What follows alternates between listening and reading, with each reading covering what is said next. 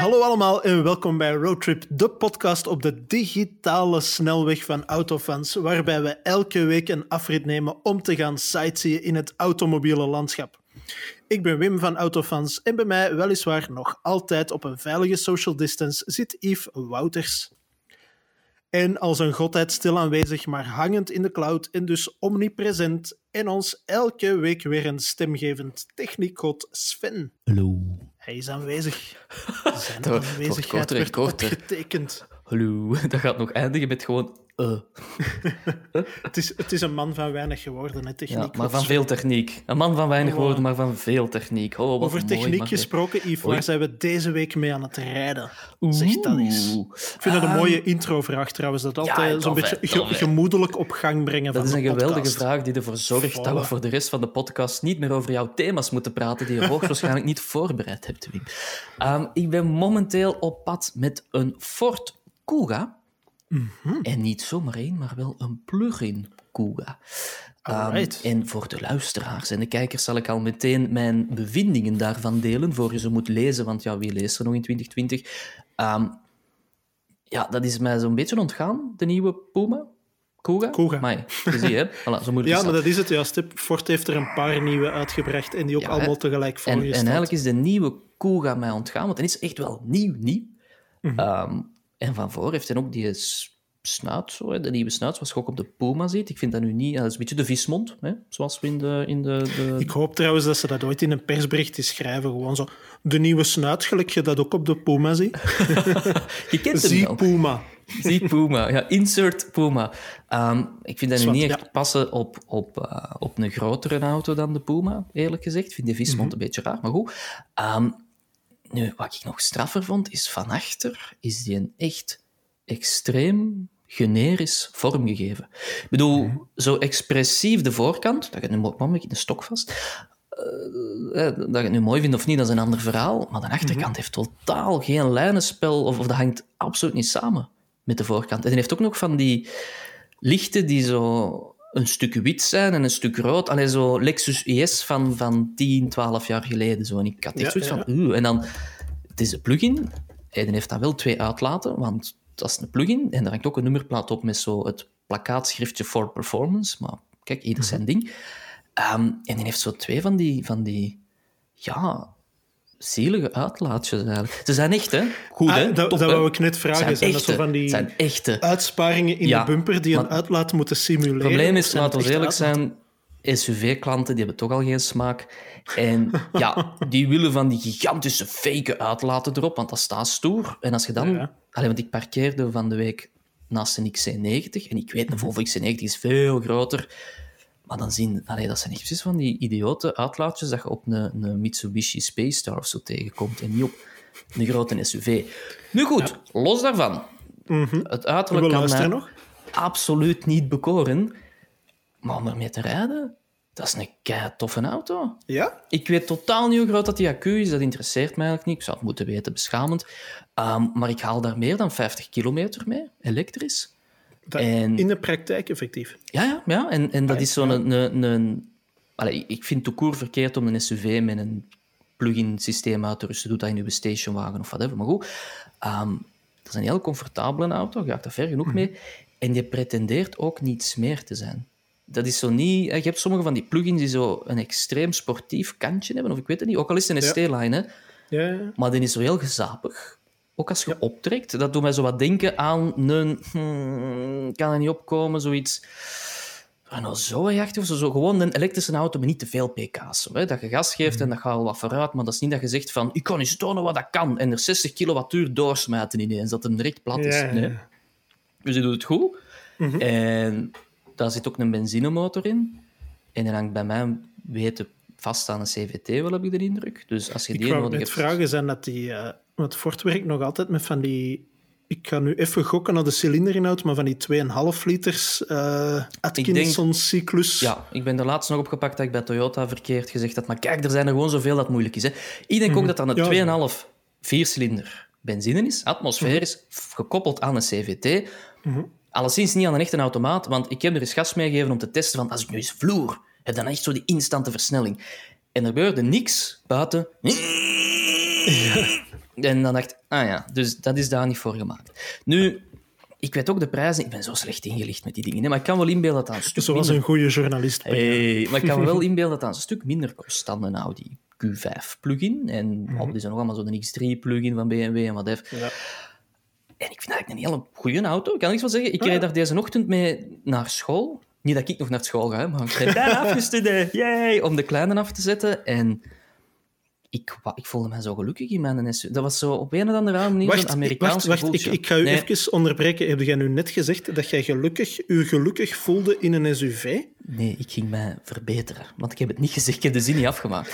Ik had zo Ik het... denk dat de techniek God Sven het met mij eens Nee. gaat zijn dat dit voor eens en voor altijd geregistreerd staat op de audioband, oh, oh. dames en heren. Er zijn SUV's waarvan ik gelukkig word. Maar dat, dat gesprek hebben we al gehad, hè, de Range Rovers van deze wereld. Maar ik voelde mij daar goed in. Ik dacht van, ja, dit Ja. snap ik. Dit is gewoon een handig gebruiksobject. En ik hoop dat de prijs binnen de perk blijft. En dat pretendeert ook niks speciaal te zijn naar de buitenwereld toe. Dus daar ben ik momenteel mee op de baan. Alright. Met wat ben jij aan het rijden, Wim? Wel, eh, nu we het toch hebben over kilowatturen erdoor jagen door eens stevig op te trekken. Ik ben momenteel, en dat nog tot morgenavond, aan het rijden met de Porsche Taycan Turbo S. Dat is de, de top, hè? De Turbo Dat S. is inderdaad, ja, de, de- ja in, bij Porsche hebben ze dus de vreemde gewoonte van gemaakt om ook op elektrische auto's de, de ja, benaming turbo te kleven.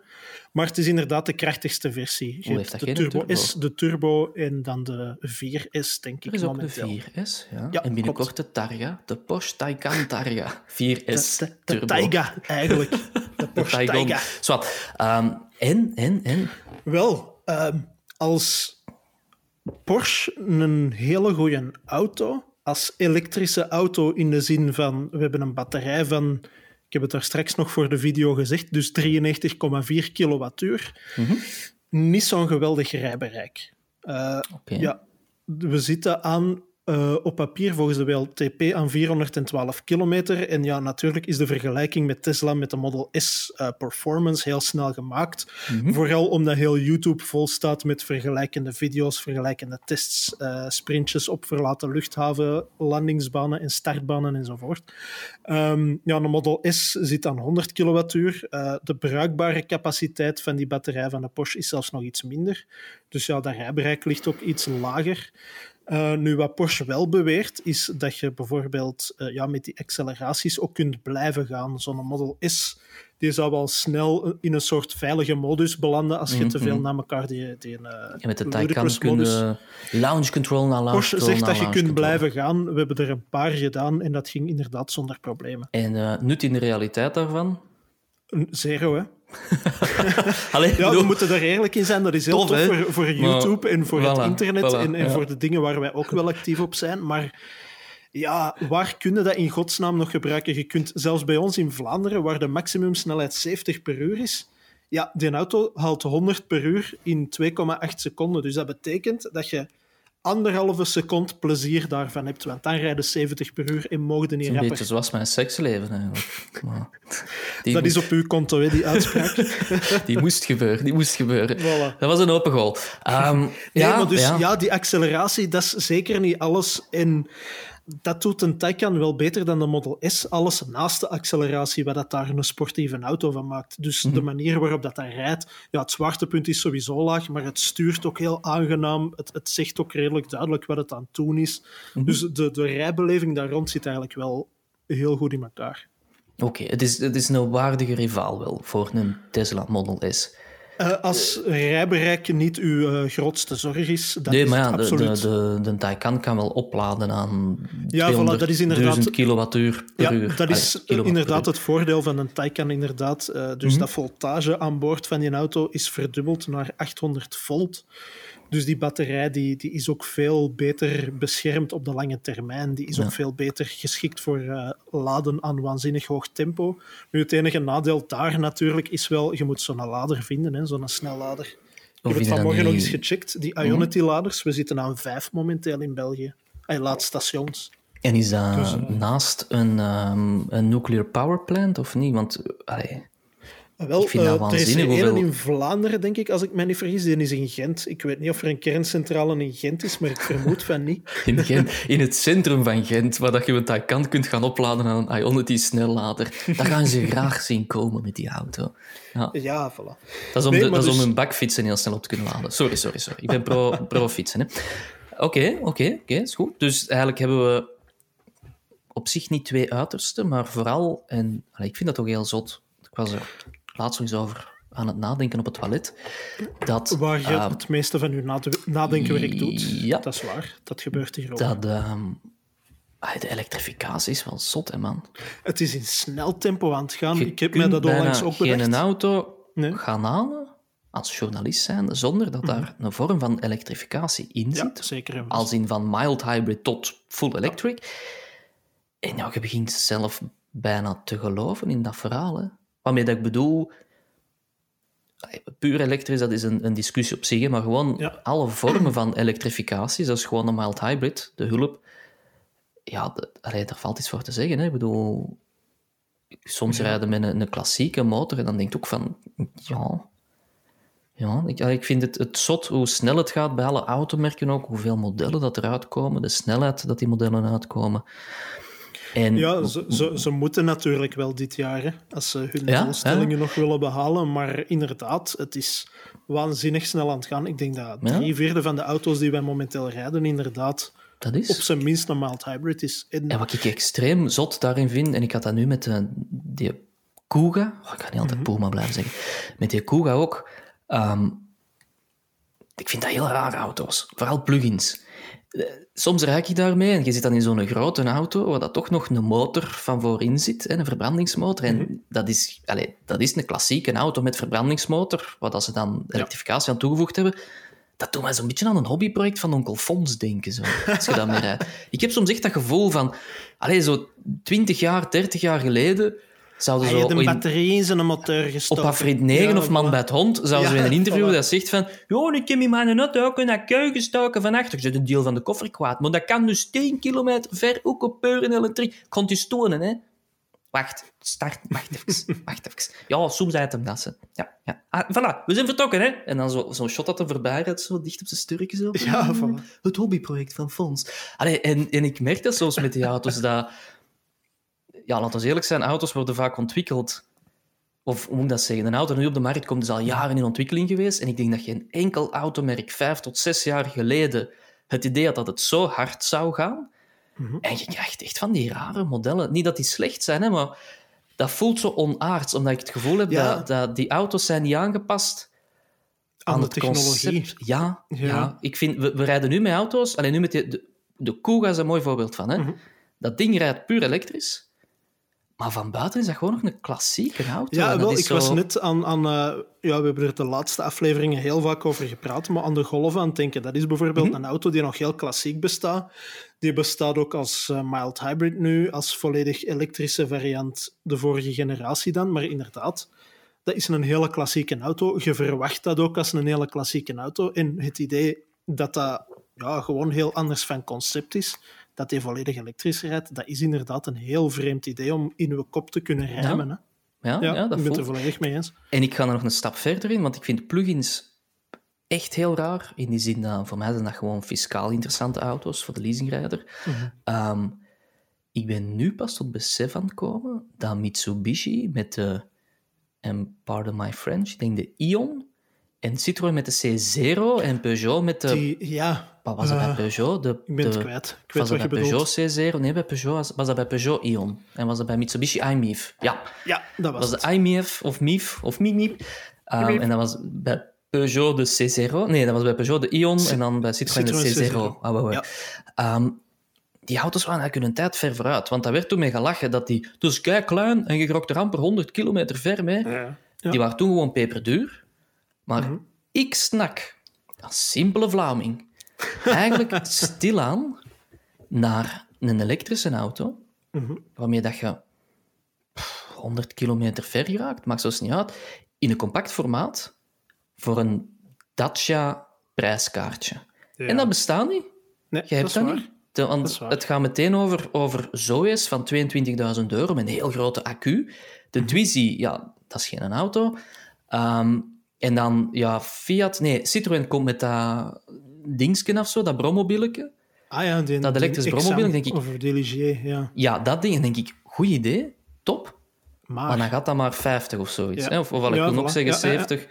Dan denk ik, nee, dat is de gemiste kans. Je, je moet gewoon iets kunnen maken dat wel 120 kan. Of laten we dan ook zeggen 130. Mhm. dat, en ik ga even niezen. Oké, sorry. Voilà. Dat, Amai. amai, je hebt, je hebt zo'n dingen, gelijk een, een, een reverb. turbo. Het is maar een blow Ja, ja. Ik nies zelfs automotive. Ehm, nee, dat...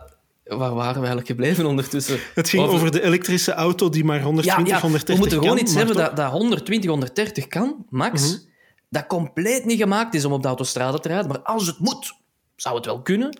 Mhm. Dat 100 kilometer ver raakt en, en ja, 10.000 euro kost. Hè. Ja. Dat is ideaal, want ik, ik, nu ook, als ik thuis plugins heb en ik doe mijn... Ik werk van thuis uit en ik ga de kleine naar school brengen en terug en ik ga naar de winkel.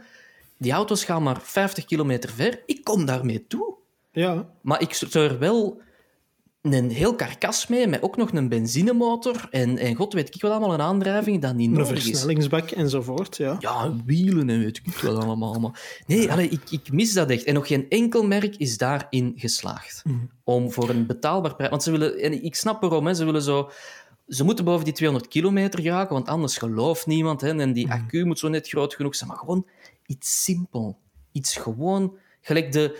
Allee, wat kochten mensen vroeger als tweede auto ook, dat zo'n no-brainer was? Een, een, een Aigo. Of zo... Ja. Wat hadden ze nog van die kleine Ja, van die koekodoosjes, hè. een koekendoos, een elektrisch koekendoosje. Dat missen we.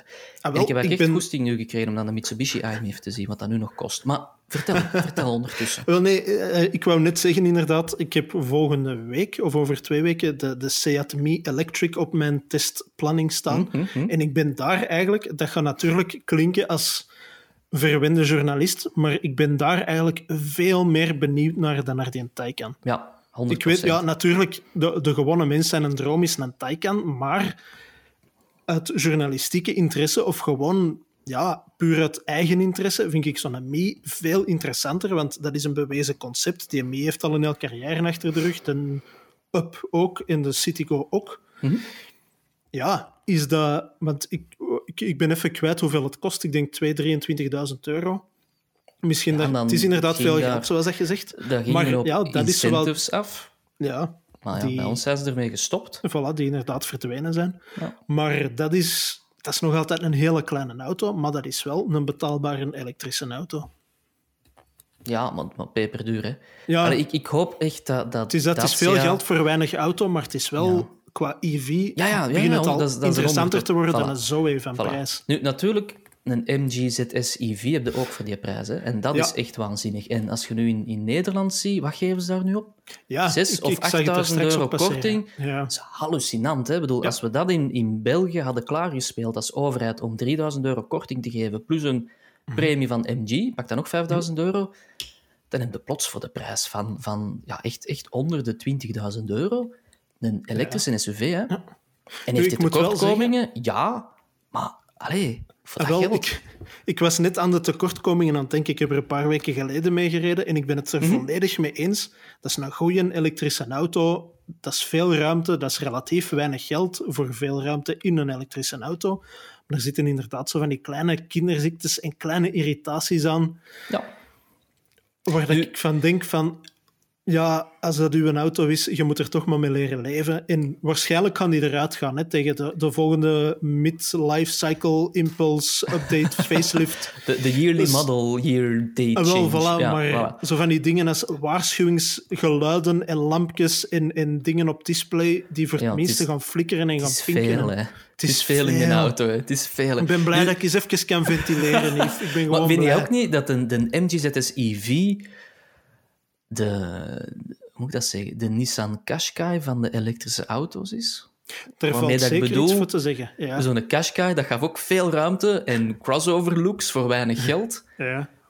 En die had ook heel veel mankementen, maar mensen keken daar voorbij, want hey, ik kreeg een crossover. En wel Ja, een voorwiel dus- aandrijven, maar ik had een crossover voor weinig geld en dat zag er stoer uit. En ik, allee, ik heb wel, als je zo'n MG ZS EV, en dat is de laatste keer dat ik die naam helemaal zeg, bekijkt, Mhm. je hebt niet het gevoel dat dat een budgetauto is. Snap je wat ik Nee, bedoel? ah, wel, ik was dat toch valt aan het mee, denken... hè? Ja, want ja, je hebt dan in de jaren 80 of jaren 70, jaren 80 hadden zo de Japanners als zo'n beetje de risée van de markt. Van kijk eens wat dat die mannen komen proberen.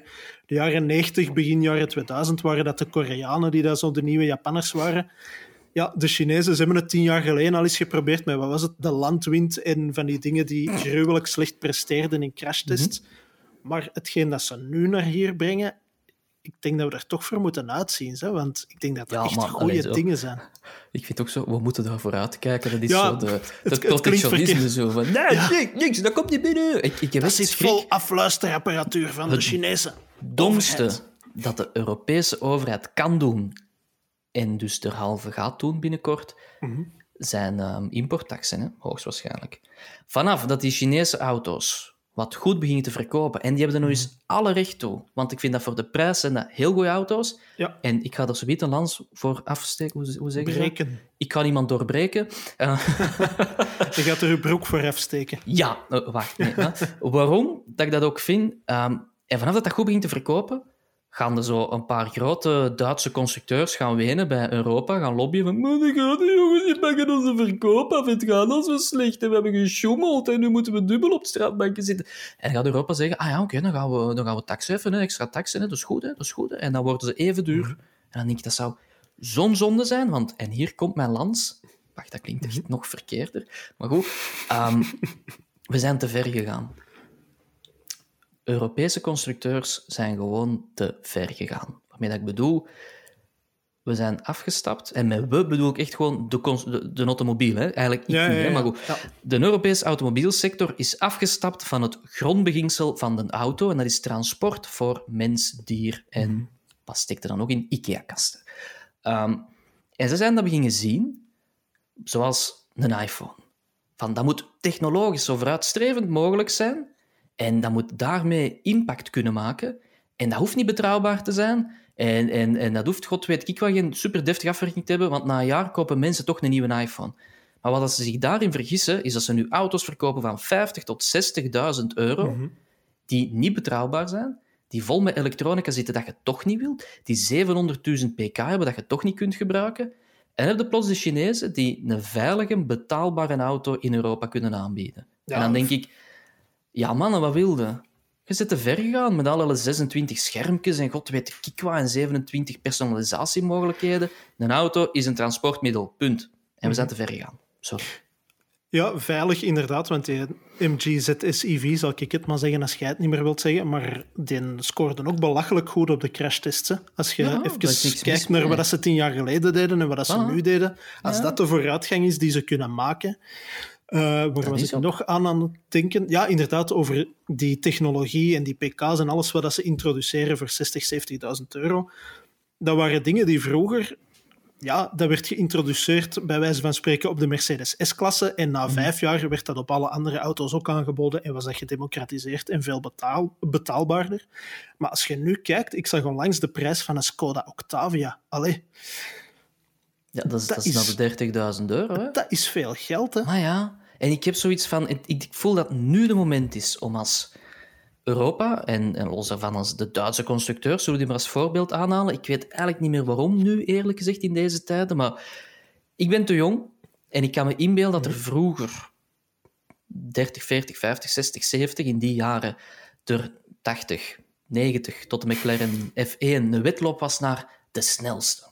Ja. De snelste auto. Ik denk dat dat vroeger echt de wedloop was. Van, Mijn auto kan 240, de mijne kan 255, de mijne kan 270. En dat ging verder, verder, verder, tot een F1 er kwam volgens mij. En dan heeft Duitsland ook gezegd, de Duitse merken die toen heel veel aanzien hadden van, we doen 250, we stoppen daarmee, die wedloop, want dat is te belachelijk aan het worden. En de seconde dat ze dat gedaan hebben, zijn ze zich beginnen focussen op de PK-wedloop. En we zijn op het punt gekomen dat we daar ook niks aan hebben. Je kunt nu een GLA gaan kopen met 400 plus pk. Hè? Ja, ja, ja. Allee, Ja. 400 plus pk in een, in een, in een A-klasse en een GLA, dat is gewoon te veel. En los daarvan, ik rij met die auto's. Ik heb nu nog niet met die auto gereden, dus daar kan ik niet over uitspreken. Maar die van vorige week, de M235i van BMW. Mhm. En ik heb daar minder plezier in dan met mijn jaarrisje van 106 pk. Omdat het nog puur en eerlijk is. En, en dat is niet te. En, en omdat dat te is, moeten ze er zoveel elektronica op steken om dat goed te laten rijden en je rijdt zelf niet meer. En ik vind dat nu echt het moment om als Europees merk te zeggen van we stoppen met die pk-wetloop. Mm Laten we ons gewoon zeggen, zoveel pk is genoeg, whatever. En laat ons bijvoorbeeld, ik zeg maar iets, hè, eens terug tijd steken in kwaliteit. Ja. In, in auto's die... ik bedoel, jaren 90 Mercedes. Je kunt niet kwalitatiever dan jaren 90 Mercedes gaan. Hè? Mhm. En zelfs bij Mercedes de laatste jaren, ja, dat zal allemaal nog oké zijn, maar allee, ik, ik heb het gevoel dat auto's minder kwalitatief worden. Meer een wegwerkproduct. Ja. En ik vind dat zonde, zeker voor die prijs. Mhm. Kijk, mooie woorden. Zie deze aan. Uh, maar ik vraag me dan wel af, zouden automerken zichzelf daar niet een klein beetje ook mee in de voet schieten? Is misschien niet de juiste manier om het uit te drukken, maar gewoon ja, schrik hebben om zoiets te doen, om te zeggen van ja, kom, we stoppen bij, ik zeg maar iets, 300 pk in onze, uh, in onze 8 coupé, in onze S-klasse coupé. 300 pk, dat is het maximum. Een zescilinder is het maximum dat we willen doen.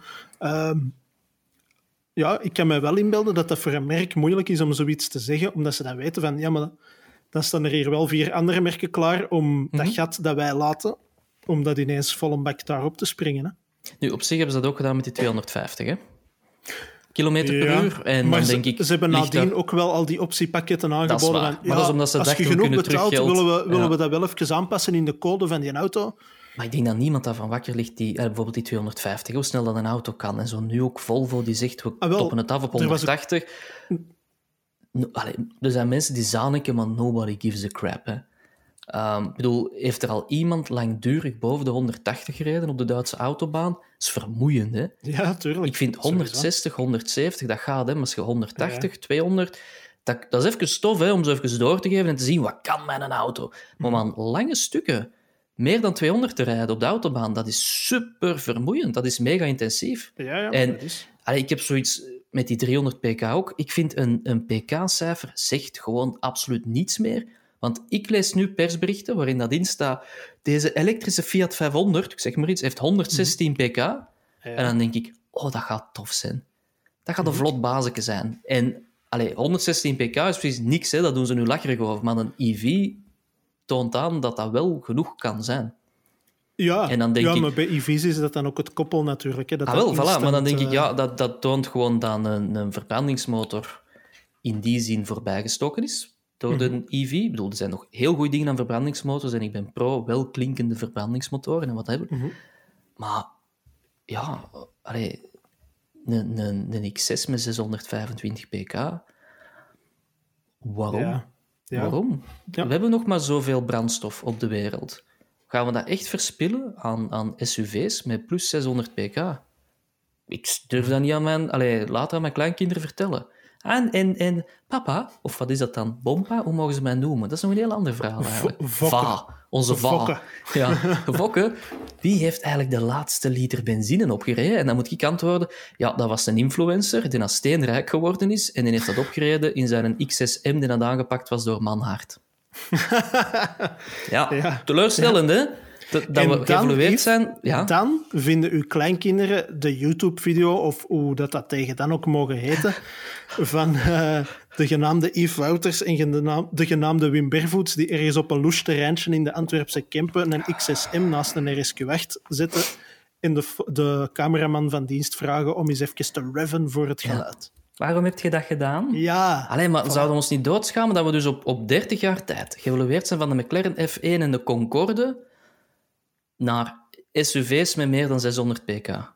Ergens is verkeerd gegaan de laatste 30 jaar. Ik weet niet waar, maar ergens is verkeerd. Enfin, we zijn terug over de SUV's bezig. Ik neem aan Misschien dat moeten we het even over koekendozen hebben. Ah, wel. Dat is Gewoon een goed idee, dat-. Voilà, Ah, omdat we dat, alle twee plezant. tof vinden. Ik heb vorige week met een, de Ignis nog eens gereden. De Suzuki Oh. Ignis. Ja. Ah, wel, voilà, dat ziet er funky uit. Het heeft misschien niet de beste aandrijflijn, maar dat ziet er plezant uit. Dat is compact. Je kunt daar eens een bochtje mee nemen waar Ja, dat je koetswerk echt deze van doet. dat je denkt, Dat, is, dat is een auto waarbij dat je op 40 km per uur ook voelt dat je leeft. Voilà. Je En kunt de goed. dood in de ogen kijken tegen 40 km per uur in een Ignis. Je kunt echt zo denken, nee, nee. En je kunt gewoon voorbij rijden dat mensen denken, maar die rijdt nou zo traag eigenlijk, uit de schrik van niet. En toch kun je binnenin het gevoel hebben van, oh, deed, ik kan dat niet halen. En, wel, het is, en, en je riskeert je rijbewijs niet. Hè. Je Ah, nee? riskeert wel om de kant gezet te worden wegens eh, onverantwoord rijden of zoiets. Maar eh, je blijft wel binnen de snelheidsgrenzen. De Ignis is weer zo een, en dat is zo zonde, hè, een ondergewaardeerd auto dat eigenlijk gewoon in Europa te duur is. Ja, zeker en vast. Zeker en vast. Want allee, ja. ik weet niet wat de prijzen tegenwoordig zijn, maar dat begint rond de 18.000 euro. Ze moeten mij maar corrigeren als het niet waar is. Maar, Maar dat is los veel daarvan, geld bij mij is simpel. Als je een, een Dacia voor 8000 euro kunt kopen, dan is er allee, spijtig genoeg geen enkel ander koekendoosje dat, dat, dat Mhm. een, een verhaal kan maken als dat 12.000 of 13.000 euro kost. Sorry. Ja. Geen enkel. En, en dat is zo spijtig met veel van die auto's, want die zijn op zich in het buitenland veel goedkoper dan bij ons. Ehm, zeker als die ge, allee, geïmporteerd, hè, zoals Suzuki Ignitsen, en die worden niet hier echt gemaakt. En Nee. dat is een auto, en krijgt daar wel een riante korting op bij Suzuki, hoogstwaarschijnlijk. Maar dat zijn wel keitof auto's. En ik merk dat heel vaak dat die auto's die heel onaantrekkelijk zijn, stiekem wel tof zijn om mee te rijden. En ben ook pro de koekendoosjes. De, het Ja. enige, of, of de enige die ik nooit begrepen heb, zijn de nieuwe, allee, de nieuwe, nu ook al de oude, maar de Aigo, de 108 en de, was dat, C1 van Citroën? Eh, de C1, Ja, ja, inderdaad. ja. dus die, de laatste huidige generatie, whatever. de- Die, omdat als ik daartoe mee reed, had ik ook echt het gevoel van toen ze pas nieuw waren, en dat is toch al even geleden, Mhm. dit brengt nu echt niks bij aan het concept auto. En dat hoeft ook niet, hè? Dat hoeft ook niet, hè? Die afwerking is heel minimalistisch en het hoeft Ja, niet goed afgewerkt te zijn, hè? En, en dat reed gewoon heel monotoon. En, en dat hoeft niet goed te rijden, hè? Mhm. Maar de prijs was veel te hoog. Ja. En dan heb je... Allee, dat krijg je bij mij niet uitgelegd. Dat, dat is een auto dat voor mij 6000 euro had mogen kosten. Ja. Om de een of andere Duitse reden. En zo de Moonshine Blue Light Edition, weet ik wel. Dan betaalde zo 17.000 euro voor een C1. En dan denk ik... Pff, allee, Met dan, want ik heb er met een 108 heb ik nooit gereden, de Aigo wel, maar de Mhm. C1 herinner ik mij heel goed. Dat was aan de presentatie van de facelift of zo. Mhm, mhm. Ze waren dan vol een bak bezig over de personalisatiemogelijkheden. Want de Franse merken hebben zo meestal tien jaar na datum door wat dat de hip is. hè. dus dat was dan tien jaar geleden was dat aan de Mini. Je kon die dan helemaal naar je eigen smaak en goesting aankleden. Met een streepje kleur hier, een streepje kleur daar, in een heel andere kleur. Dat maakt niet uit. En dus, wat jaar moet dat geweest zijn? 2012, 2013, wisten ze dat in Frankrijk ook. En hoe hebben ze dat daar opgelost? Letterlijk, I kid you not, met een sticker op het dashboard. Dus dat is dan de inleg, dat was dan zo'n soort studded belt, gelijk dat je zo bij de punkers in de tijd zo'n riem hebt met van die topjes op. Hè. Gewoon een strookje erop gekleefd en dat was dan uw afwerking. En dat is dan 700 euro, alsjeblieft. Het zal Dat goedkoper geweest Het zal zijn. Ja, ja, maar- 350 geweest. Voilà, maar ik weet dan je nog- bedoelt. Ik weet Maar je hij bedoelt. was al aan lossen aan de kant dat ik denk van... Ah, ja, oké, ik snap dat je kosten wilt drukken, maar deze keer dat gewoon toch niet verkocht. Dat waren ook bij mij zo van die auto's die... Hè, want je had dan zo een, een 108 in het paars met zo... ehm, ja, zo'n gekrakeleerd dakding dat ook open Ja. kon. En, allee, dat zag er wel tof uit, hè, daar niet van. zo, ja. Maar dan denk ik... Sorry, maar als je zoveel geld uitgeeft aan een koekendoos, pak dan een Fiat 500, hè. Sorry, hè. Allee, Ja. ik had bij heel veel van die auto's altijd het gevoel... Een Fiat 500 doet dat beter. Mhm. En, en dat is zo bij mij, als je het hebt over het koekendoosje, Mhm. dan komt altijd bij een Fiat 500 uit. Ja. Wat dan niet wil zeggen dat een Ignis super tof om te rijden is. Ik vond trouwens een Opel Karl ook tof om te rijden, op een heel raar manier. Ik vind een Opel Mhm. Adam S, met Mhm. 140 pk, een extreem miskende auto. Dat was Ah, wel, een super tof ik- karretje. Ik wou net zeggen, ik heb nooit met een S gereden, Mhm. eh, maar wel met de, ik wil het kwijt zijn, de Rocks, ken je? Ja, Hebben ja, ze dat ooit gehad? Ja, ja. Dat viel qua rijdingen mij niet helemaal in de smaak, maar voor de rest, dat zag er wel tof uit. Dat was een toffe auto om naar te Ja. kijken. En, dus ik ben het wel ermee eens dat dat een heel ondergewaardeerde auto is. ja en, en zeker de S. Want je had ook een Opel Adam. Rocks S Ja. zelfs. Ook al, ja, Maar de gewone S... Ja, want ik heb, ik heb stiekem al een paar keer gaan kijken naar de prijzen, maar eigenlijk blijven die veel te duur voor wat ze zijn. Mhm. Maar dat is een auto. ook. Dat, Ja. is, dat, is een, koek- dat is eigenlijk een Abarth. hè. Ik heb zelfs ooit in een duo-test, jaren terug in het oude autofans, een Mhm. duo-test gedaan tussen een Abarth en de, de Adam S. Alle twee Mhm. met 140 pk. Of had een Abarth dan 136? Ik wil het kwijt zijn. Die, ik denk dat wat zoiets was. gehad, hè? Ja, ik denk dat zoiets was, want een, ah, de Opel moest zo net iets meer hebben. Die, die, ja, de Opel heeft gewonnen bij mij. Zie eens. Maar ja, ik bedoel, die, die, die Abarth klonk veel beter, hè? maar dat is iets dat je kunt verhelpen met een chapement van Remus. Maar in de Adam zat je. Dat kunnen van een, een, een, een Abarth niet zeggen, daar zit je niet in, daar zit je op. Um, in de Adam zat je echt in, in goede kuipstoeltjes, je zat goed laag. Die, die pedalendozen zat... Allee, de rem zat dus al bijna voor de gaspedalen, dus puur om, om te, te, te revmatchen en al, al je pedalentrucjes te doen. Zalige auto. Dat was super nippy, klein, punchy. Ja. Allee, gewoon een tof autoke. En wel, En ja, we hebben hem nog niet vernoemd, maar als we het dan Oei. toch over Fiat koekendoosjes hebben, de Panda. mm, Wij zijn daar... Ik hoor gemengde gevoelens. Of ehm, ik moet, ik moet ehm, iets bekennen dat je nog nooit met een Panda gereden hebt. Nog nooit met een panda gereden. Ik kan u een Panda 4x4 aanraden. Bij ons zijn we daar niks mee natuurlijk, maar wij zijn er ooit eens... eh, dat was in de tijd nog voor driver zelfs, van die niet voor de hand liggende 4x4's gaan testrijden. Dus dat was toen nog de SX4 S-Cross. Nu heet dat gewoon S-Cross bij Suzuki.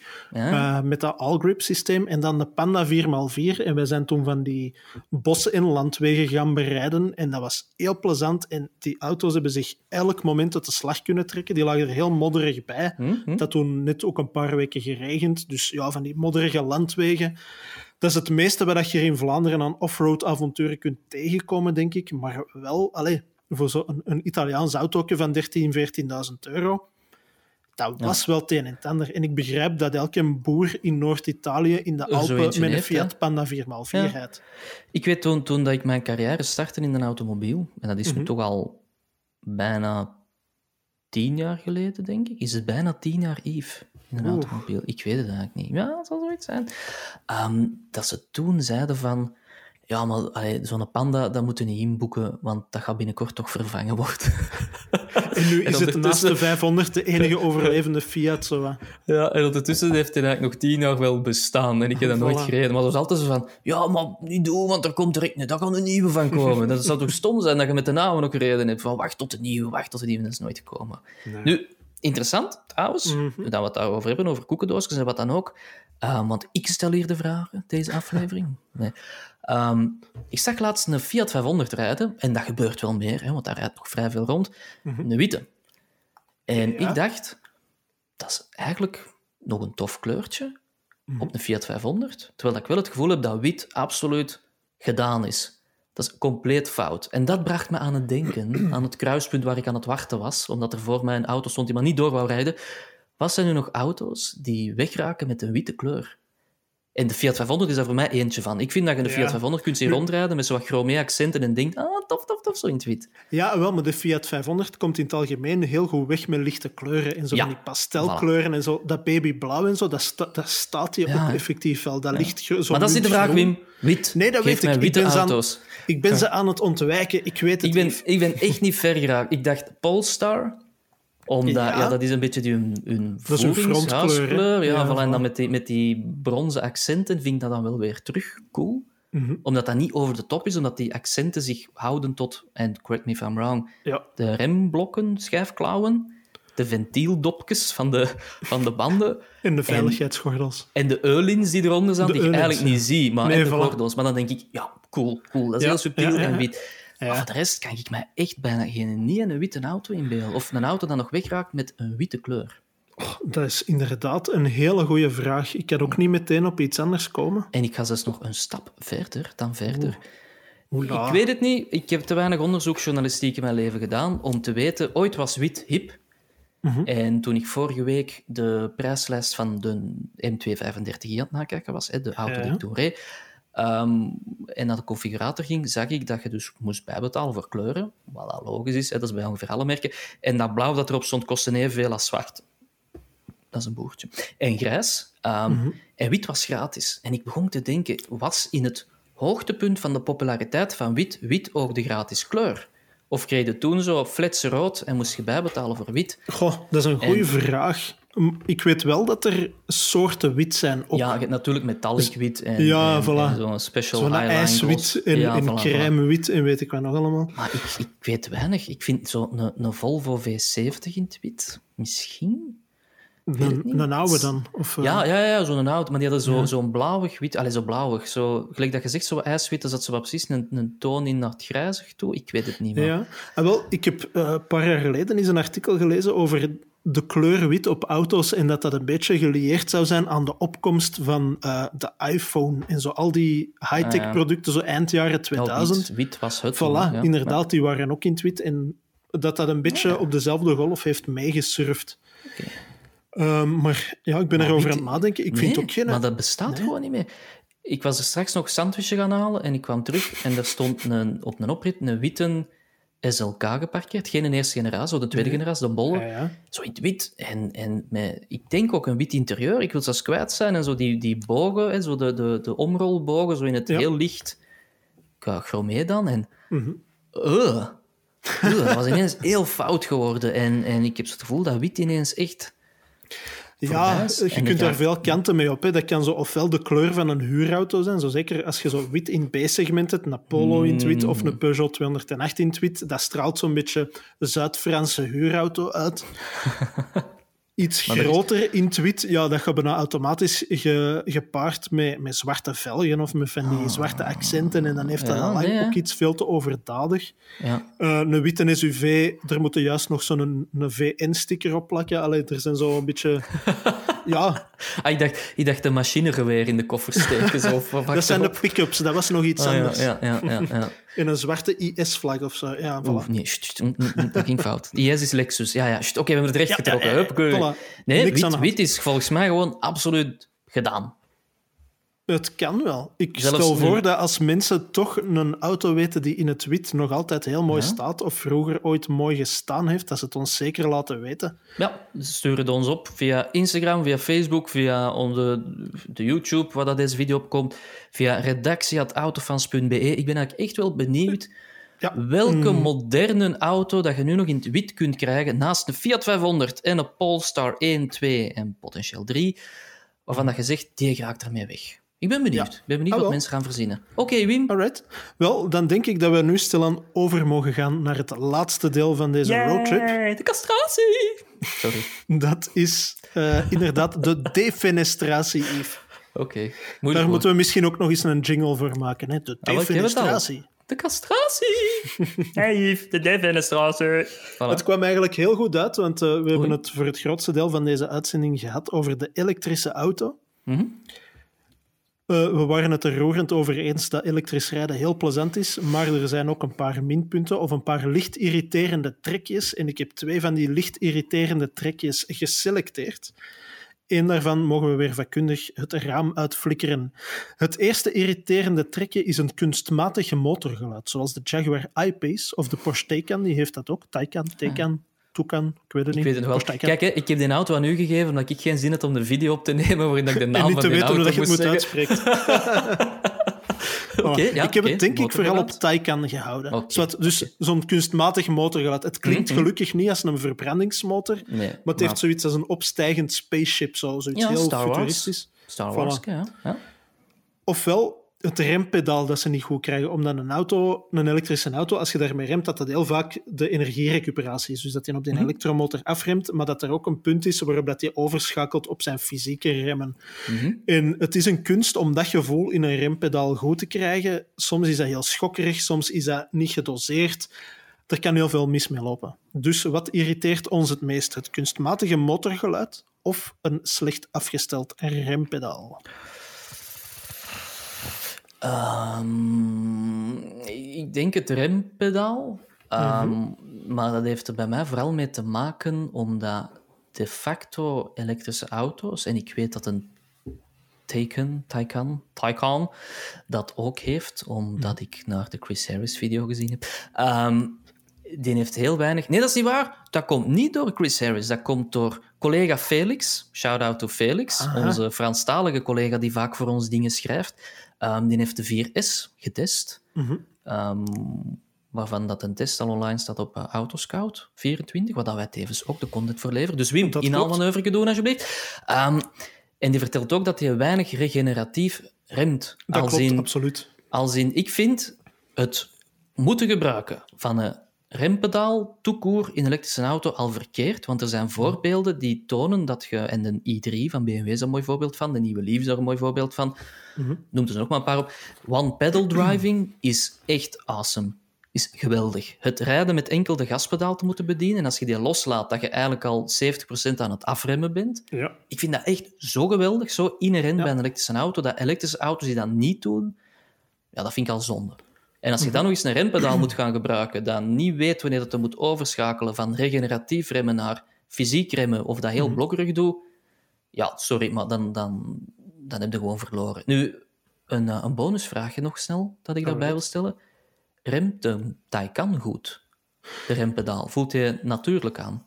Ja, dat voelt heel ehm, vloeiend aan. Het enige, want dat wou, ik, dat wou ik inderdaad zeggen, is inderdaad dat regeneratief remmen, dat heeft hij inderdaad veel minder. En dat is iets Mhm. wat ik ook wel mis aan die auto, omdat je hebt veel auto's die van een klassieke auto worden omgebouwd naar een EV, waarbij dat ze de schakelpedals vervangen door van die eh regeneratiepedals. Mhm. Dus als je links trekt, eh, dat je dan sterker Minder- regeneratief remt als je Ah, rechts trekt. Dat- ja, ja, ja, Voilà, ja, ja. inderdaad.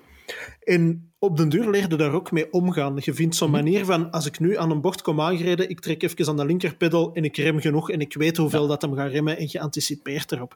Nu, in een Taycan gaat dat niet, want die heeft geen pedals. Je kunt ergens wel instellen of de auto automatisch dat regeneratief remmen toepast, of dat hem dat altijd toepast of nooit toepast. Mhm. Maar ze hebben dat gevoel ook heel sterk verborgen. Dus wanneer dat je dat aanzet en dus Ja. dat hij altijd regeneratief zou remmen, je voelt daar heel weinig van. Ah, ja. En dat is inderdaad, gelijk dat jij zegt, zo dat one-pedal gevoel, dat is, eens dat je daar wat mee kunt werken en wat mee kunt spelen, is dat inderdaad wel heel tof. En is dat heel Dat is keihandig. inherent aan een EV. Maar ja, en dat is gewoon... Allee, rijden met één pedaal, kunnen nog luier worden. Dat is toch een zaligheid? Dat is echt toch gewoon een absoluut gelijk de zaligheid? Dat- botsauto's, hè. Maar ja, dat is zoals dat mensen zeggen van... Ik moet geen automaat hebben, want ik wil mijn drie pedalen, want ik wil harder werken. Dan denk ik, echt, ga weg. Als Ja. het gewoon rijden is er niks makkelijker dan een automaat. Ja. En dan heb ik nu ook dat mensen zeggen van... Ah nee, zo dat regeneratief remmen, dat vind ik raar. Ik zet dat af. Dan denk ik... Huh? Je moet minder moeite doen. En je moet maar met één pedaal rijden en uw auto absorbeert meer energie dat hem kan gebruiken voor de accu. Dat is toch win, win, win, win, win, win. Allee, ja, voilà. en dan denk absoluut. ik, oké. Nu, ehm, over die geluiden gesproken. eh, ik heb me nu nog nooit gestoord aan het geluid in die Jaguar. Ik vind het wel komiek dat je in sport zet, dat je zo een meer spaceship geluid krijgt dan in comfort. Ehm, dus ja, daar stoor ik mij niet echt aan. Omdat, en laat ons eerlijk zijn, die geluiden nog altijd heel subtiel blijven. Er is geen enkel automerk dat het lef heeft. Ja, maar wacht. Ze pompen bij zo benzineauto's of bij de, de Skoda Kodiak RS diesel pompen ze een V8 geluid echt binnen. Dat zo... We, we hebben is... het daar eens over gehad, hè? over de ja, daarom V8. MP3. Ja, voilà, daarom dat ik dat aanhaal. maar er is geen ene EV zelfs niet een iPad, dat je die in, in, in sport zet en geeft daar vol gas mee, dat je echt heel laat. Oh, dat is niet. Dat blijft echt van onder gewoon zo'n... Ja. Maar, en dit dan nog 50% lager. En dan vind ik dat niet zo erg. Dan is dat, snap je, dan is dat vergankelijk. En ik vind zelfs dat ze daarmee subtiel het rolgeluid maskeren van sommige van die EV's die laag profielbanden hebben die veel lawaai binnenlaten. Ehm, dus ik stoor me eraan. Ik ga me eraan storen als er een of ander, ik ging een heel vuil woord zeggen, merk is dat beslist om dat geluid zo luid binnen te pompen als in sommige benzine- en dieselauto's doen. En dan denk ik, niet, stopt. Ja, dat is niet ja. echt. Nee, en ik ga zelfs helemaal zot worden als er... En het gaat komen, hè. Geloof me, hè. De EV, als je van het gas gaat, dat in een soort van... geluidje gaat doen, hè. Niet, niet een blow-afval, geen een toedoedoedoedoe, zoals een echt, hè. Maar zo, zo dat niest, elektrisch. nee, ja. Een elektrisch geluidje, dat zo... Ik weet niet, zo even doe of zo, eraf. En dan denk ik, nee, stop. De- het is geen de- Fisher-prijs. De, Stop DS ermee. de DSG-fart, maar dan elektrisch. Ja, maar ja, maar als ik zo van de gas ga, dat dat echt zo'n soort Doe. En dan krijg je de bocht in de rijdt. En zie je, ik heb nu al waarschijnlijk ingenieurs een idee gegeven. Hè, van, dat is een goed idee, man. Want we moeten een, een, een elektrische Hyundai N maken en we hebben geen idee hoe we dat moeten laten klinken. Ah, wel. Pas op, Yves, want we, we, weten allemaal dat William meeluistert. Hè. Ja, maar we doen maar één shout-out per, uh, per aflevering. Die is ja, we hebben Felix. er nog geen gedaan. Ah ja, wel, jawel, we hebben inderdaad naar Felix. Dus shout-out à Felix, zoals ze in het Frans uh, zeggen. Denk oui, ik. Felix, tout va bien? Oui, hè? Ja, bonjour, voilà. Yes, oui. Alright, maar voor het hier helemaal uit de hand loopt, is het misschien tijd om deze roadtrip uh, heel langzaam toe te vouwen en ergens veilig weg te bergen. Dit was een roadtrip voor... krochten van ja. YouTube en andere kanalen. In deze Dit was on onpeilbaar diepe vergeetput van het internet. Oké. Okay. Ga jij afronden, Yves? Of ja, je, dat, je durft niet, hè? Je durft niet. Nee, nee, doe nee, maar. Nee, doe ik, maar. ik wil het gerust doen. Oké, oké. Okay. Dit was Roadtrip allemaal. Bedankt, Wim, om aanwezig te zijn. Als in, eigenlijk heb jij mij een uitnodiging gestuurd en ik moet dan aanwezig zijn. Uh, bedankt, um, um, um, techniekgod Sven, om dit weer te aanhoren. De, hoe lang zijn we hier bezig nu? Enfin, lang genoeg. ongeveer. En uh, ik wil zeker ook de kijkers en de luisteraars bedanken om, uh, om dit te aanhoren, om, om aanwezig te zijn, om, jullie, om ons de moed te geven. Ons de moed te geven om dit elke week te blijven doen. En, zoals Wim ook gezegd heeft, wij zijn echt benieuwd naar jullie antwoord op welke witte auto's er momenteel nog nieuw verkocht worden, van dat je zegt, dat vaar ik naar schoons. Laat het zeker weten op redactie.autofans.be, via onze YouTube, via onze sociale media. We zijn alom aanwezig, net zoals Sven. En um, tot de volgende keer zeker. Hè? Bedankt, Wim. Heel goed. Hey, goed gedaan, hè, zeg. Dag en bedankt. Uh... Ietsje te lang, maar voor de rest heel goed. Hier is, hè. Hier is, hè.